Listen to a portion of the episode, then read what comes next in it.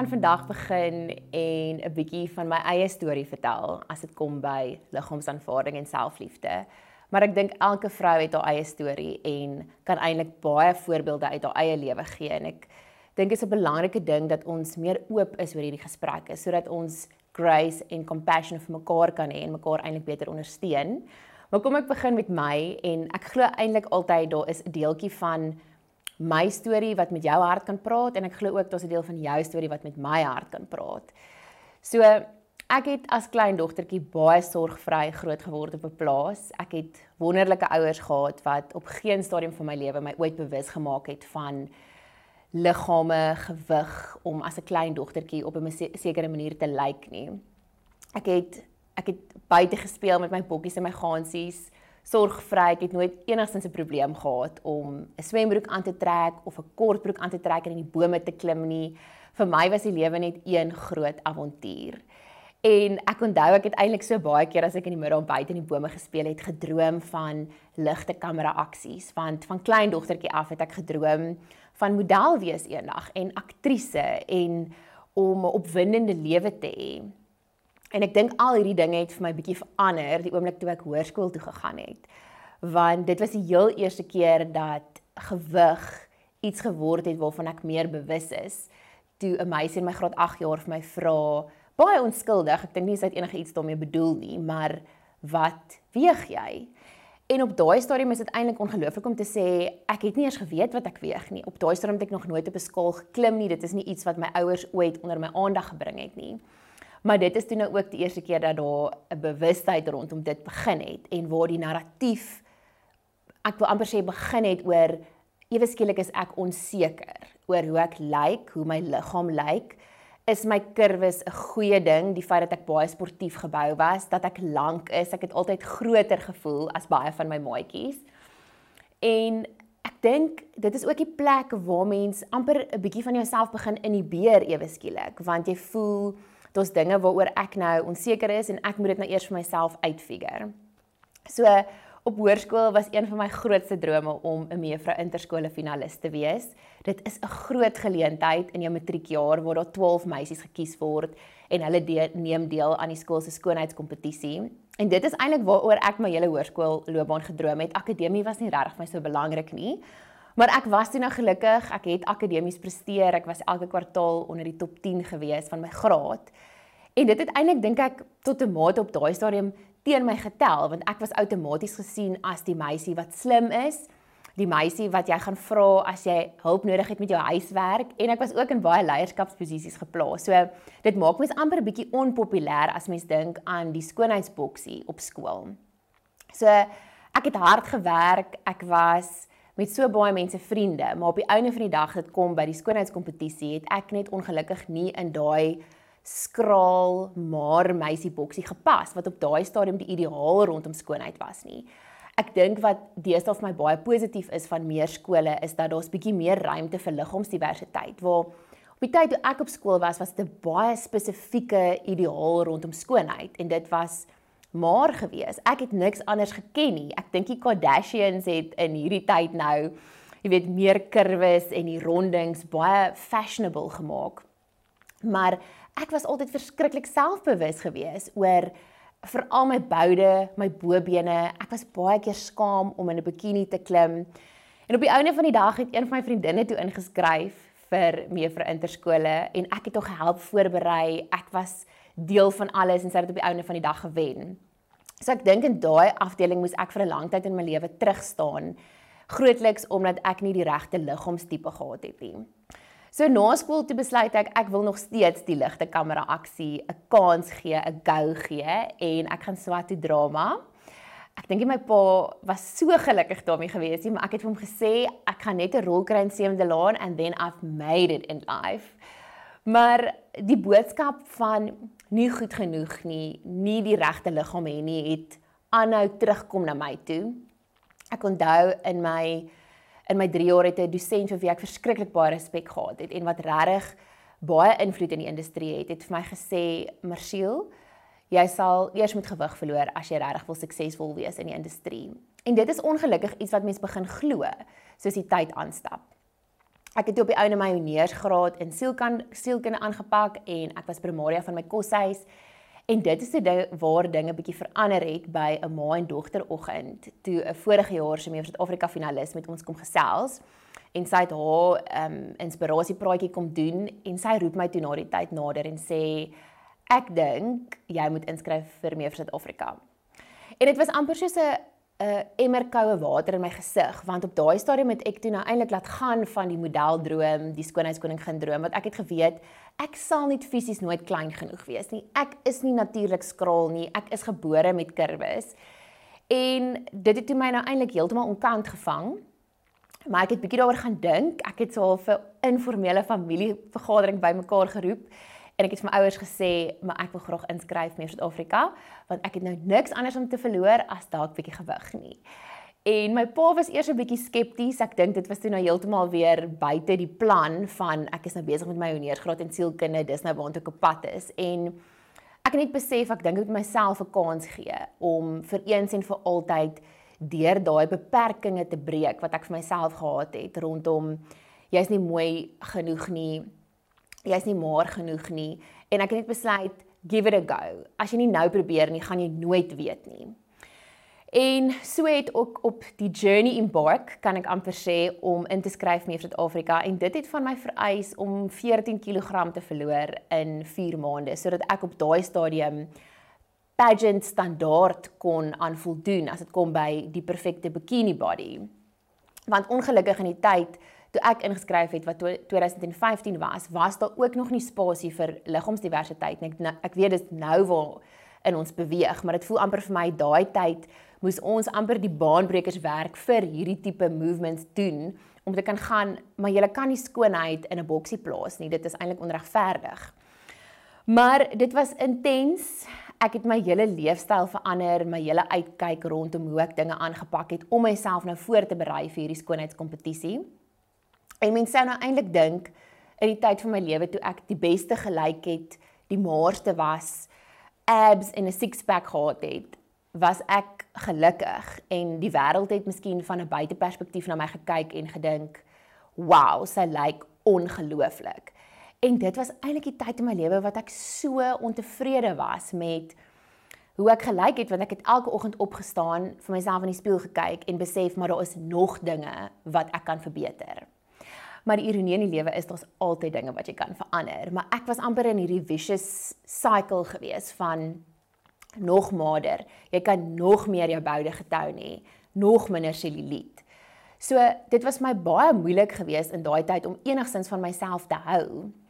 Ek onthou toe ek voorberei het vir die proses, het ek kontak gemaak met 'n uh, hy was op daai stadium gesien as 'n spesialis wat wat meisies gehelp het om in te skryf vir Suid-Afrika. En ek het my beste Engels probeer en vir my boodskap gestuur en gesê dit is wie ek is, dis waarvoor ek staan en dis hoekom ek graag wil inskryf.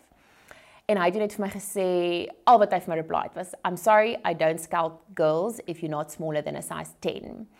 En ek dink nie ek kan fisies in my liggaam kleiner as 'n 10 ooit gewees het nie. So daar was soveel uitdagings along the way. Ek onthou ook daar was meisies in die koshuis wat ek dink dalk 'n bietjie jaloers was wat gesê het, "Is sy mal? Hoekom skryf sy in vir meer Suid-Afrika? Ek dink nie sy sal dit ooit regkry nie."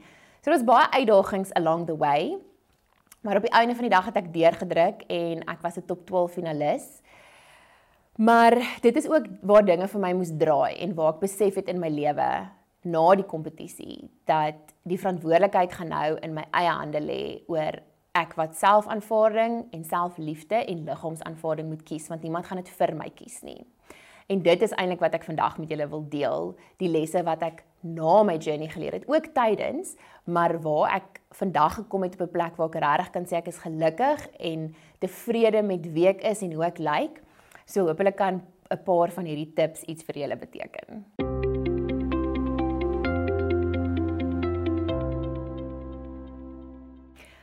Voor ek met die wenke begin, dink ek moet ons eers 'n bietjie gesels net oor selfbeeld oor die algemeen.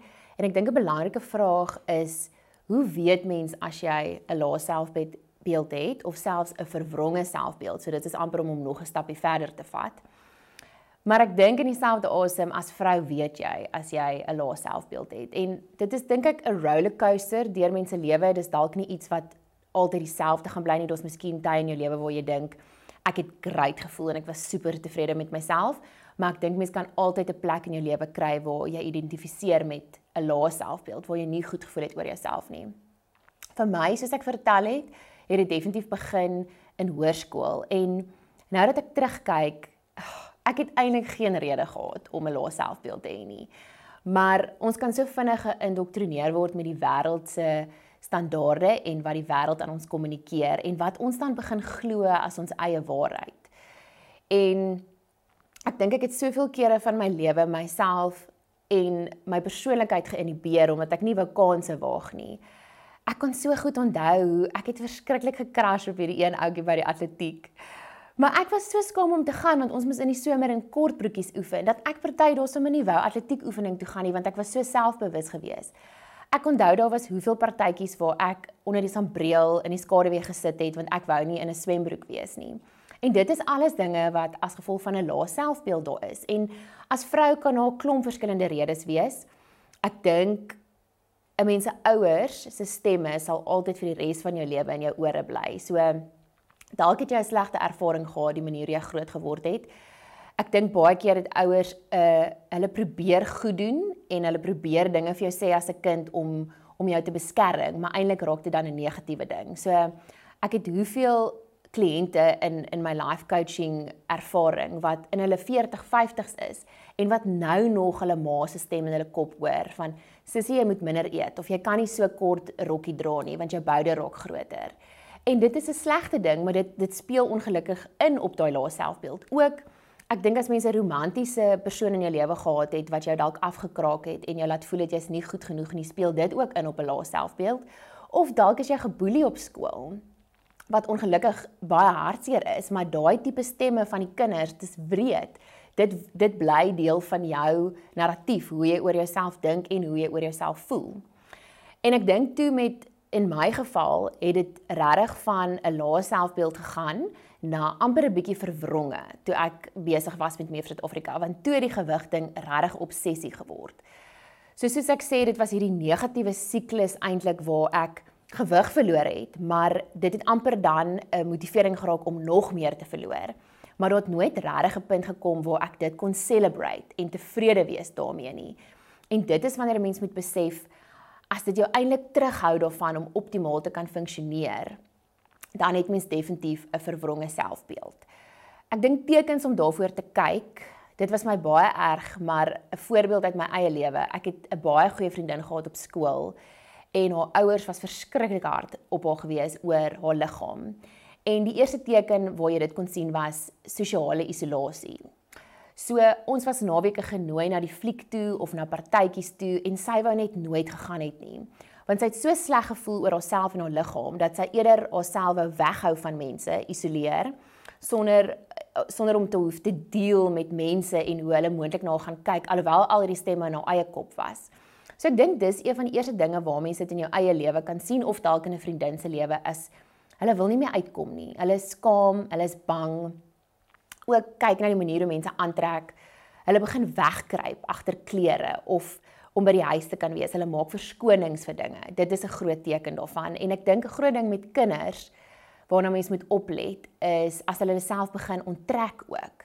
Want dit is baie keer 'n teken van moontlike eh, boelie gedrag by skool of die feit dat hulle regtig ongelukkig is oor iets en dit is so belangrik om as ouer dit te kan raak sien en dan dit te kan aanspreek ook met kinders waar mens moet oplet is as hulle eetpatrone ewe skielik verander. As mens kyk na selfbeeld, as daar ietsie dalk gebeur het waar iemand iets by die skool gesê het en nou wil hulle dit probeer verander, maar hulle het nie die kennis of die inligting om dit op 'n gesonde manier te doen nie. Ehm um, is dit partykeer 'n rooi lig vir vir eetversteurings as kinders ewe skielik nie wil eet nie of hulle wil op hulle eie eet of hulle wil skelm eet. Julle dit is ook iets waarmee ek so gesukkel het om net gemaklik vir mense te kon eet. Het, ek het gevoel dis iets wat ek moes wegsteek vir so lank in my lewe, maar ook oor die lae selfbeeld. Ek het gedink mense gaan my oordeel as ek nou 'n stukkie koek eet, want daai stemme in jou kop van ja, die groter meisie sal mos nou nog 'n stuk koek eet. So dit verander baie mense gedrag. En ek dink ook tekens van 'n lae selfbeeld as jy amper regtig wil intree vir vir 'n vriendin en haar kan ondersteun, dan mens kan hoor hoe mense oor hulle self praat. As jy baie mooi luister, dan kan jy hoor hoe iemand se selfspraak klink. Selfs al is dit net hulle eie gedagtes in hulle kop, want iewers gaan hulle dit begin verbaliseer. Ek het soveel vriendinne wat so gereeld hulle self onder die bus gooi en eintlik hulle self so negatief verteenwoordig in gesprekke en in groepe, want dit is wat hulle oor hulle self glo. Ook kan jy luister hoe mense oor ander mense praat as hulle 'n baie negatiewe ehm um, veroordelende manier het om na mense te kyk, is dit 100% ook die manier hoe hulle na hulle self kyk. En dit is waar mens moet intree vir mense en gaan ek weet nie of jy hiervan bewus is nie, maar ek hoor konstant hierdie en hierdie hierdie dinge wat jy oor jouself sê. Is dit regtig regverdig? Is dit die beste plek om uit 'n plek van selfliefde af te operate? En partykeer moet mens iemand bietjie bewus maak van iets want hulle is al so lank besig met daai negatiewe selfspraak dat hulle nie eers meer bewus is daarvan nie. Ek sê baie met my praatjies, veral as ek met mammas en dogters praat, mammas, wees versigtig oor hoe jy oor jouself praat want die manier hoe jy na jouself kyk, raak die manier hoe jou dogter na die lewe kyk en na haarself kyk. Dis amper die lense waardeur jy as mamma kyk, is die lense waardeur jou dogter gaan kyk. So as jy elke dag van jou lewe jouself kritiseer en sê ek is so vet en ek moet gewig verloor en ek is nie mooi nie en ek pas nie in my klere nie, is dit die tipe boodskappe wat jy aan haar begin kommunikeer en dit is hoe sy dan na haarself begin kyk. So mens moet so so so versigtig wees en soveel verantwoordelikheid neem oor wat mens uitspreek oor jouself in die eerste plek en dan rondom die mense vir wie jy lief is. En sonder dat mense dit besef, affekteer ons mekaar. En sonder dat jy dit besef, kan die manier hoe jy dalk oor jouself praat, selfs nog meer triggering wees vir iemand met 'n lae selfbeeld. Want sy voel dalk, "Sjoe, as my vriendin na wie ek so baie opkyk en ek dink sy is ongelooflik nie goed genoeg voel nie, hoe kan ek enigsins goed genoeg voel oor myself?" So, dit selfbeeld is 'n is 'n 'n triekie ene vir die res van ons lewe. Dis nie iets wat jy ooit regtig gaan kan aftik as nou het ek op 'n plek in my lewe gekom waar ek tevrede voel en ek hoef nie meer hierdie uitdagings aan te pak nie.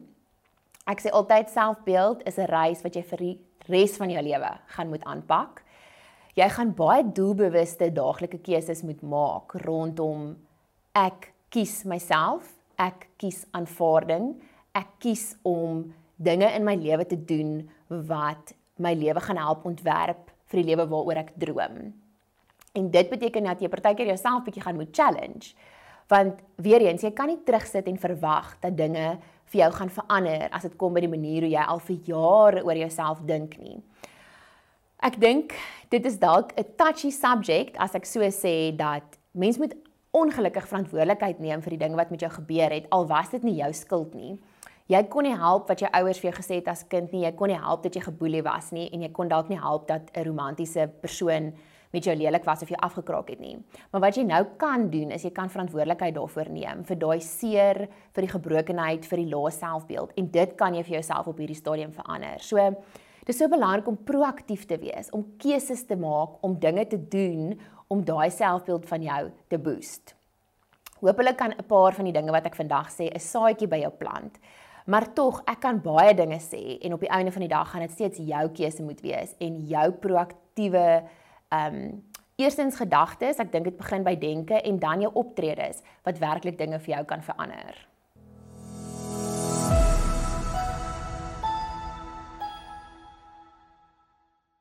Hoekom is jou selfbeeld dalk laag? Dit is iets wat net jy kan antwoord want ons elkeen het ons eie storie, ons elkeen het ons eie ervarings en ons kan dit ook glad nie met enigiemand anders in vergelyk nie dink ons het verskillende triggers, ons het verskillende mense wat dalk 'n impak op ons lewe gehad het. Maar selfs deur daai mense wat dalk daai negatiewe impak gehad het, ons het al gepraat oor ouers, familie, vriende, mense wat dalk iets gesê het uit 'n plek wat hulle goed bedoel het, maar dit was glad nie vir jou 'n goeie ervaring nie. Dink ek wel die media speel 'n verskriklike groot rol daarin. Ek dink in vandag se tyd is die groot groot ewel sosiale media. Maar ek het bietjie gaan dink oor toe ek 'n klein dogtertjie was of altens 'n tiener en daar was toe nog nie iets soos sosiale media nie of dit so net net begin, maar dit was tog steeds die media wat boodskappe aan ons gekommunikeer het. Ek onthou daai skinder tydskrifte het op hulle voorblaaie tydens somer foto's ge, ge, gepubliseer van celebrities waar hulle ingezoom het op die selluliet of die vetrolletjies en hoe sleg hulle gelyk het. En dit was op 'n voorblad gepubliseer en 'n 'n blaatante vorm van body shaming. En ons as dogtertjies het daarna gekyk en gegaan, o my genade, hoe verkeerd moet dit dan nou nie wees nie.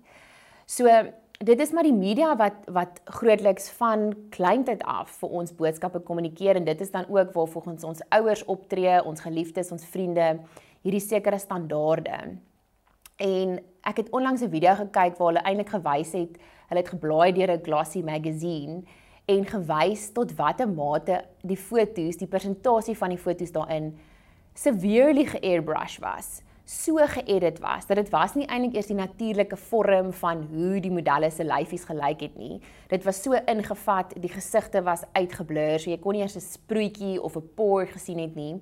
Maar dit is waarna ons gekyk het op daai ouderdom en dit is wat ons gedink het die verwagtinge was. So ook op TV, ons het hierdie perfekte aktrises en modelle gesien.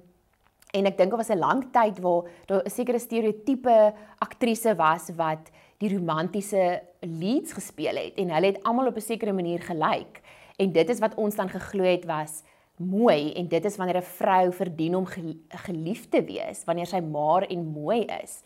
So ek dink vandag en en goed vir die media in daai sin is daar al bietjie meer diversiteit, maar ek dink ons het nog 'n baie lank pad om te stap om regtig different body shapes and sizes to normalize dan is die nuwe ewel nou in vandag se tyd sosiale media.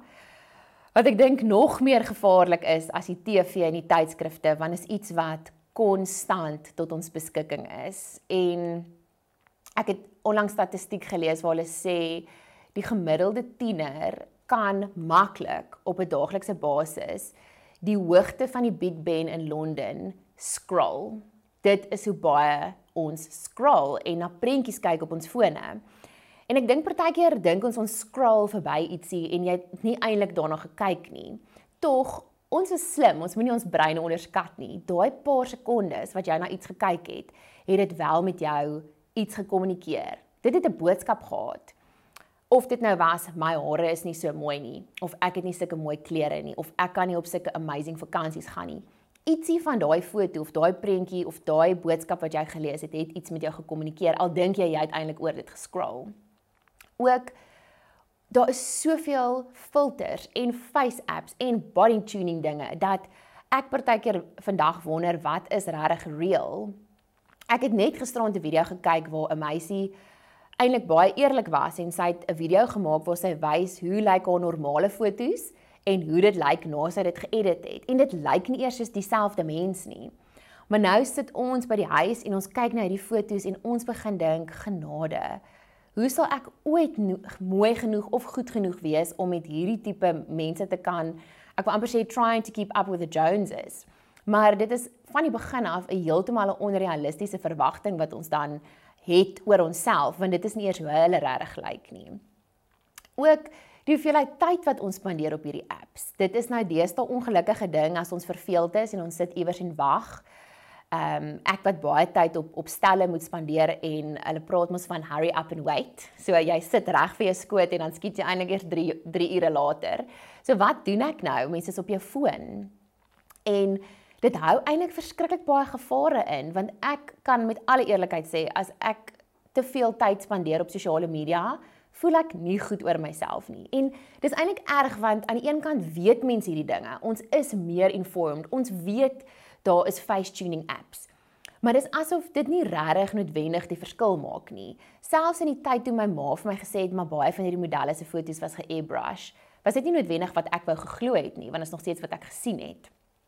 So die gevare van sosiale media deesdae is is regtig dit het groot groot rooi ligte rondom ons geestesgesondheid ek dink ook die tyd waaruit ons kom, eh, jy weet lockdown waar ons soveel ure op tegnologie spandeer het, soveel ure van TV kyk, het ons onderliggend ook ehm um, benadeel as dit kom by by geestesgesondheid. Ek dink dis dan belangrik vir my as ek sommer net iets uit my lewe kan sê is om bewustheid te hê waar jy is rondom ek praat van hoe vol jou tentjie is as ek gesels met my my coaching kliënte. Jy moet bewus wees van waar jy is as dit kom by jou emosionele vlak van happiness en how much you able to give at any point. Want eintlik op die einde van dag as jou tentjie leeg is, kan jy nie regtig 'n goeie vrou wees nie, jy kan nie regtig 'n goeie ma wees nie, jy kan nie regtig 'n goeie vriendin wees nie. Ek dink ek nie jy kan baie goed of of optimaal funksioneer as dit kom by jou werk nie. En dit is waar ons daai tipe goeders moet reguleer. So ek kan baie kere begin voel ek voel nie goed nie. Ek voel down. En dit is ook normaal. Ek ek wil ook hierdie goeie sê met dit is oukei. Okay. Mens moet dan kan eerlik wees daaroor. Maar dan moet ek sekere goedjies begin verander. Dit is duidelike tekens vir my. En ek dink dan om te begin cap, byvoorbeeld die screen time. Ehm um, partykeer het ons ook net hopeloos te veel hoe op ons virk. So weet maak dit bietjie minder en dis waar daai ding van self-love inkom, self-care. Wat is die dinge wat ons nou kan doen om my tentjie weer vol te maak? En dit is my baie erg. Ek vra baie keer vir my kliënte dan is hulle in hulle 40s en hulle 50s en jy dink they've walked the journey with life. Dan vra ek vir wat op hierdie punt gaan jou tentjie vol maak? En dan sê sy vir my ek weet nie. Haar eerste reaksie is ek weet nie, want ons het so vergeet om na onsself te kyk. Ons het eintlik so vergeet om op dinge te fokus wat ons regtig gelukkig maak. En ons eerste ding dink ek is net om, jy weet, na die social media of die TV om om hierdie eksterne dinge te hê om so 'n bietjie geraas in ons kop stil te maak. Maar weer eens daar kom dit by eienaarskap neem rondom jou eie gesondheid. En as jy vandag daar sit en jy voel ek is op so 'n donker plek in my lewe waar ek nie eers kan regtig met alledaagse dinge my tentjie vol maak nie, dan wil ek jou regtig aanmoedig om iemand te gaan sien. Soos work through stuff, take responsibility for it. Dit is regtig belangrik want op die einde van die dag weer eens niemand anders gaan daai verantwoordelikheid vir jou neem nie. En daar's 'n quote wat ek eendag gelees het en was dit vir my baie erg geweest. Dit sê hulle your pain you bleed that on the people around you. So as jy nie deur sekere goed in jou lewe werk nie, inevitably gaan jy die mense rondom jou daarmee affekteer. So as dit kom by hierdie tipe dinge, ek wil amper sê just take a breather. Vat 'n oomblik en gaan waar is ek op die stadium in my lewe? Want partykeer kan ons gedagtes verskriklik stoomroller as dit kom by een gedagte. En dit raak 'n volgende gedagte en dit raak sommer ewe skielik 'n donker plek en dit was 'n paar gedagtes wat op die ouene gevang moes word. Ons moes eienaarskap daarvan geneem het en gegaan het, is hierdie die waarheid of is hierdie 'n leuen? En van daar af moet mens dan werk met hierdie is nie die waarheid nie. Ek moet ek moet verantwoordelikheid neem van van hierdie gedagtes wat ek op die oomblik het. Ek het nou verwys na om aandag te gee aan jou tentjie en om dit vol te hou, maar ek dink ek wil nog meer ernstig daaroor gesels dat dit is 'n goeie manier om daarna te kyk, maar die realistiese gevare van as jy nie na jouself kyk nie en jouself verwaarloos, is iets soos depressie, om ernstige geestesgesondheid uitdagings te hê op die einde van die dag. Ook eetversteurings en ek dink eetversteurings is baie keer gelink met mense wat supermaar is of wat weet dit probleme het met met te min eet, maar dit kan ook na die ander kant toe gaan. As jy 'n baie slegte verhouding met kos het en jouself gereeld vergryp en en nie daai tipe balans in jou lewe kan hê nie, Ek meen die gesondheidsrisiko's wat vir jouself inhou is langtermyn. Ek weet van meisies wat saam met my op skool was wat op daai stadium eetversteurings gehad het wat tot vandag toe nog sukkel met gesondheidsprobleme. So dit is so belangrik om regtig waar na jouself om te sien en om na hierdie gevare te kan kyk en dit raak te sien en te leer hoe om jouself te beskerm en weer eens ook om daai verantwoordelikheid te kan neem vir jouself.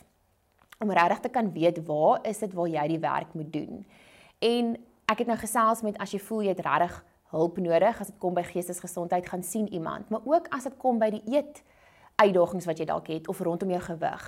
Daar's ongelooflike dieetkundiges daar buite en dit gaan glad nie oor om vir jouself 'n die dieet uit te werk nie. Ek dink partykeer is net belangrik om dalk jou hele ehm um, manier van dink te verander as dit kom by kos, want dit is eintlik veronderstel om 'n wonderlike ding te wees. Ons moet kos geniet. It's fuel for our bodies. This a it's a great thing eating should be enjoyed. Maar as jy voel jy kan nie op hierdie stadium jouself help nie, is dit dan belangrik om uit te reik na ander want daar is ongelooflike mense wat opgelei is hiervoor. En ek dink regtig die Here gee vir ons mense en tot ons beskikking om hulle te kan gebruik om te kan hulp vra. So dis ook 'n groot ding om partykeer daai ego na die kant toe te skuif en te gaan, ek het hulp nodig. Ek dink ek dink eintlik iemand kan my nogals goeie leiding gee op hierdie stadium. So you so worth it. Ek wil vir jou sê partykeer staan ons terug en gaan, daar's party mense wat baie meer probleme as ek het. Ek gaan nie nou iemand aan sien nie. I'm not worth it. You are so worth it. En ek sal eerder sê sny op ander uitgawes in jou lewe, maar doen die werk en investeer in jou eie gesondheid, jou eie holistiese gesondheid.